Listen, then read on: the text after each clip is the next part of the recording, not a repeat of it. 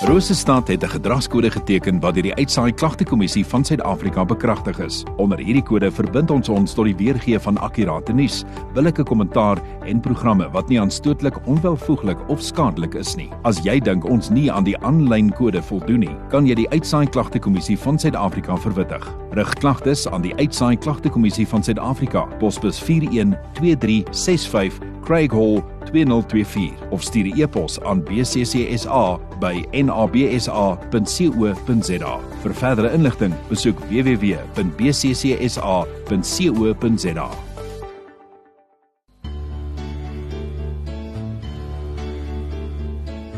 Tyd vir oggendgodsdiens op 100.6 FM.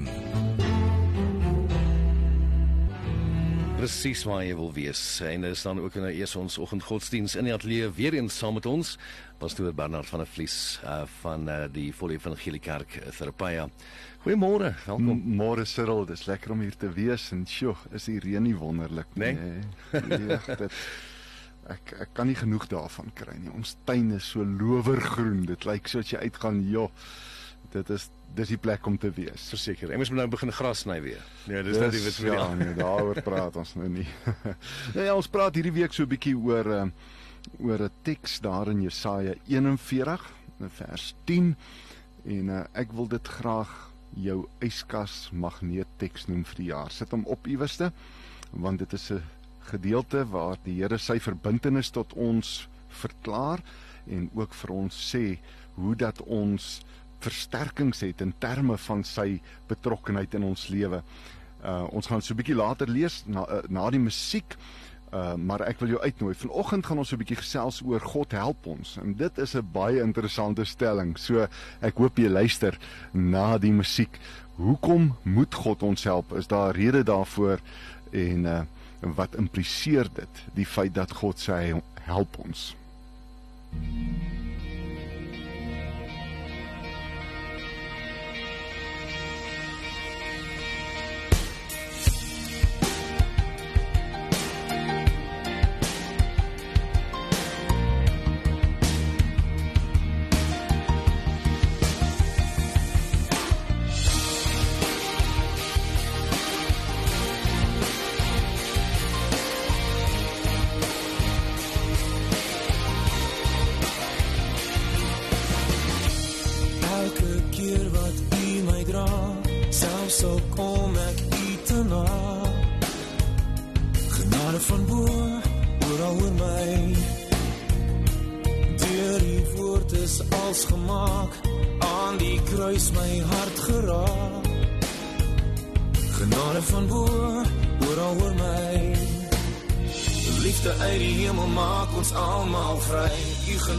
Is 'n oseaan oor my.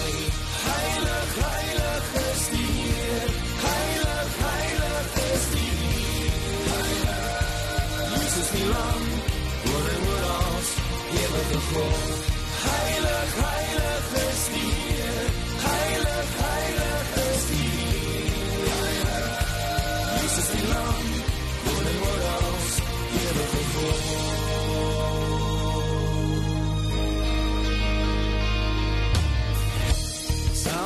weet wie als van vol geregtigheid my haar en nade van bo oor oor my.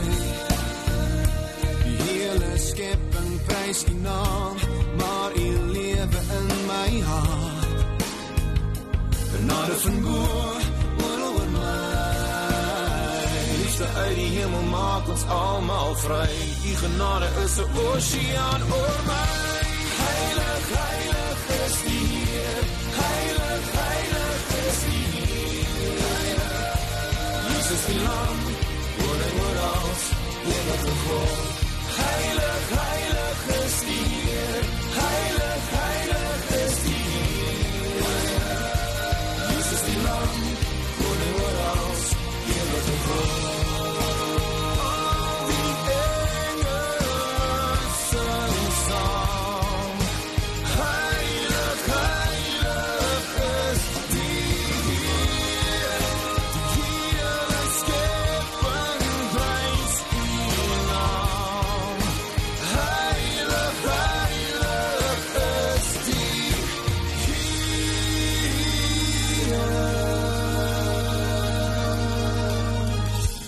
uit die hemel maak ons almal vry. U genade is 'n oseaan oor my.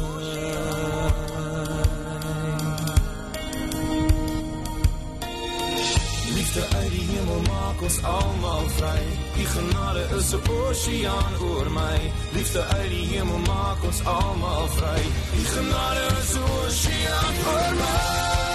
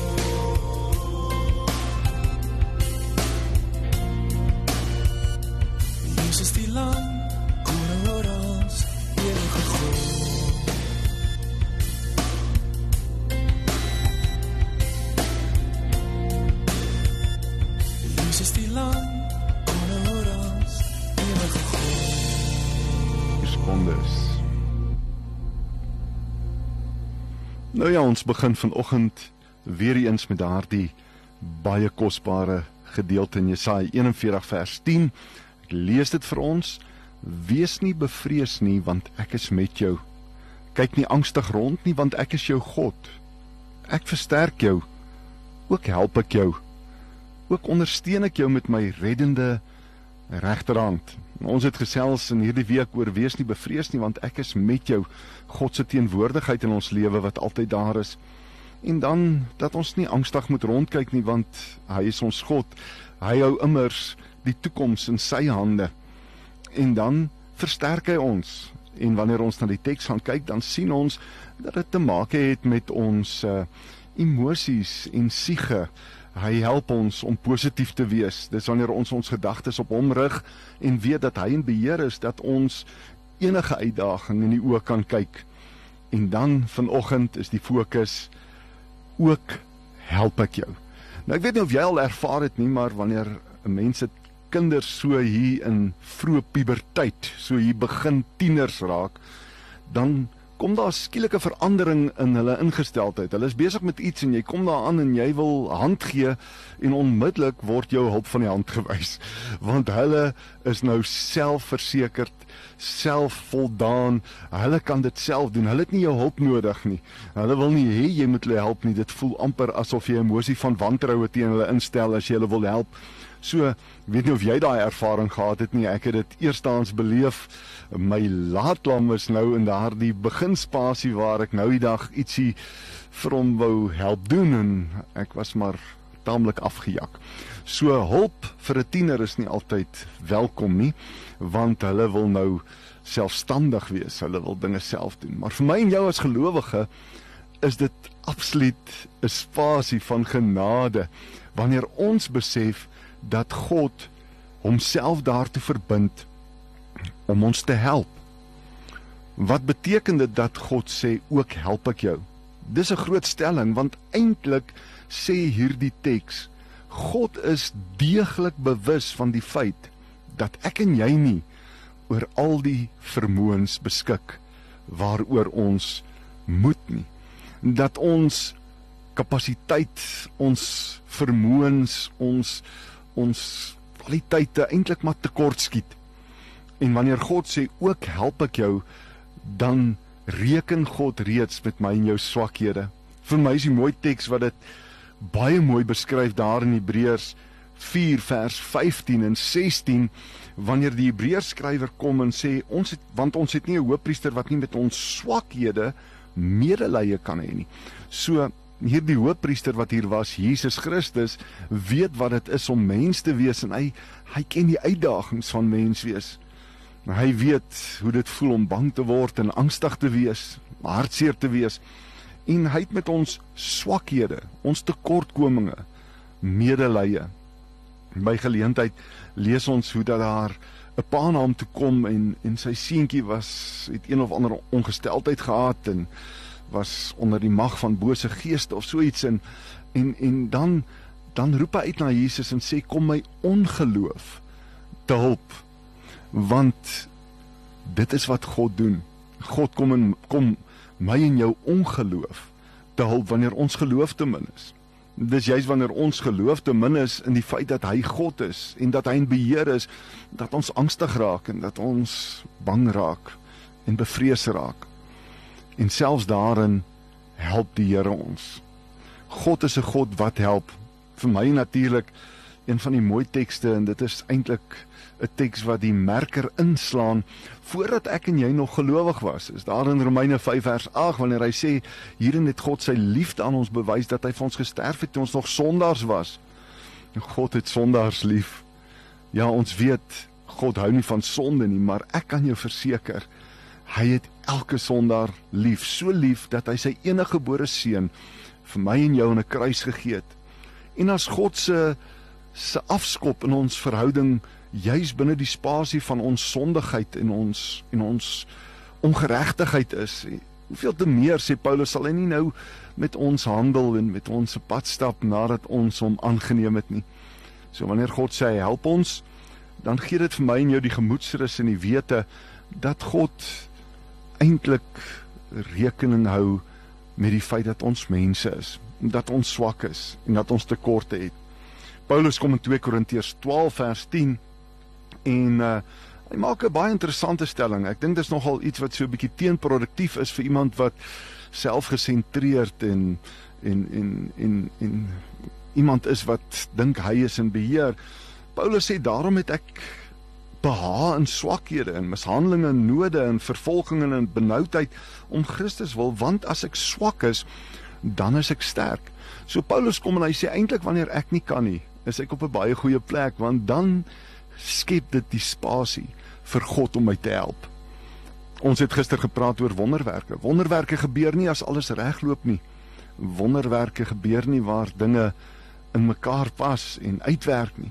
Wonderwerke gebeur wanneer dinge juis vir my en jou bedreiging inhou en en die som totaal van dit wat daar is net teespoed voorspel, dan gebeur wonderwerke.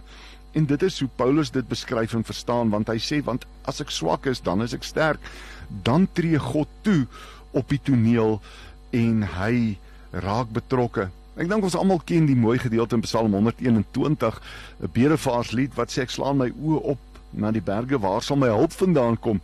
En dan die stelling in vers 2, my hulp is van die Here. En luister hierdie verwysing wat hemel en aarde geskaap het. Ek wil afsluit vanoggend so 'n bietjie met 'n gedagte wat vir my amper die mooiste vorm van God se hulp beskryf in die Bybel. Natuurlik is die Bybel vol. Dit is 'n uh, joernaal van God se betrokkenheid by die mens en ook hoe hy in die mens se swakheid betrokke is. Ek wil vat net daar buite Eden, Kain en Abel, net daar in die begin van alles is God klaar besig om vir Kain te probeer help en om te probeer keer dat hy nie die verkeerde goed doen nie. God is so betrokke om ons te help in ons swakheid, selfs wanneer ons verkeerde dinge wil doen is hy daar. Maar vir my is die mooi mooi mooiste beeld van God se hulp daar in Lukas 23 wanneer ons kyk na die Skepper van hemel en aarde wat aan 'n kruis hang. Terwyl hy daar hang, spot mense met hom. En selfs een van die misdadigers spot met hom. En dan reageer die ander misdadiger en sê: "Vrees jy dan God ook nie?" Terwyl ons in dieselfde oordeel is, ons ontvang immers ons verdiende loon maar hy hang onskuldig en dan sê hy die volgende dan vers 42 van Lukas 23 hy sê dink aan my Here wanneer u in die koninkryk kom. Wat sê hierdie man? Hy sê Here kom my swakhede te help help my. Wees daar vir my. En net in daardie klein poging waar hierdie man sy afhanklikheid teenoor God erken teenoor Jesus erken gebeur daar iets wonderliks. En Jesus sê vandag sal jy saam in die paradys wees. Dit is so as ek en jy ons swakhede herken, dan kan God sy hand uitsteek en ons help. Ons moet nie soos tieners wees wat dink ons kan alles self doen nie. Nee, ons ken mos ook die vers wat sê ken hom in al jou weë en hy sal jou paaie gelyk maak. Die Here is daar om ons te help.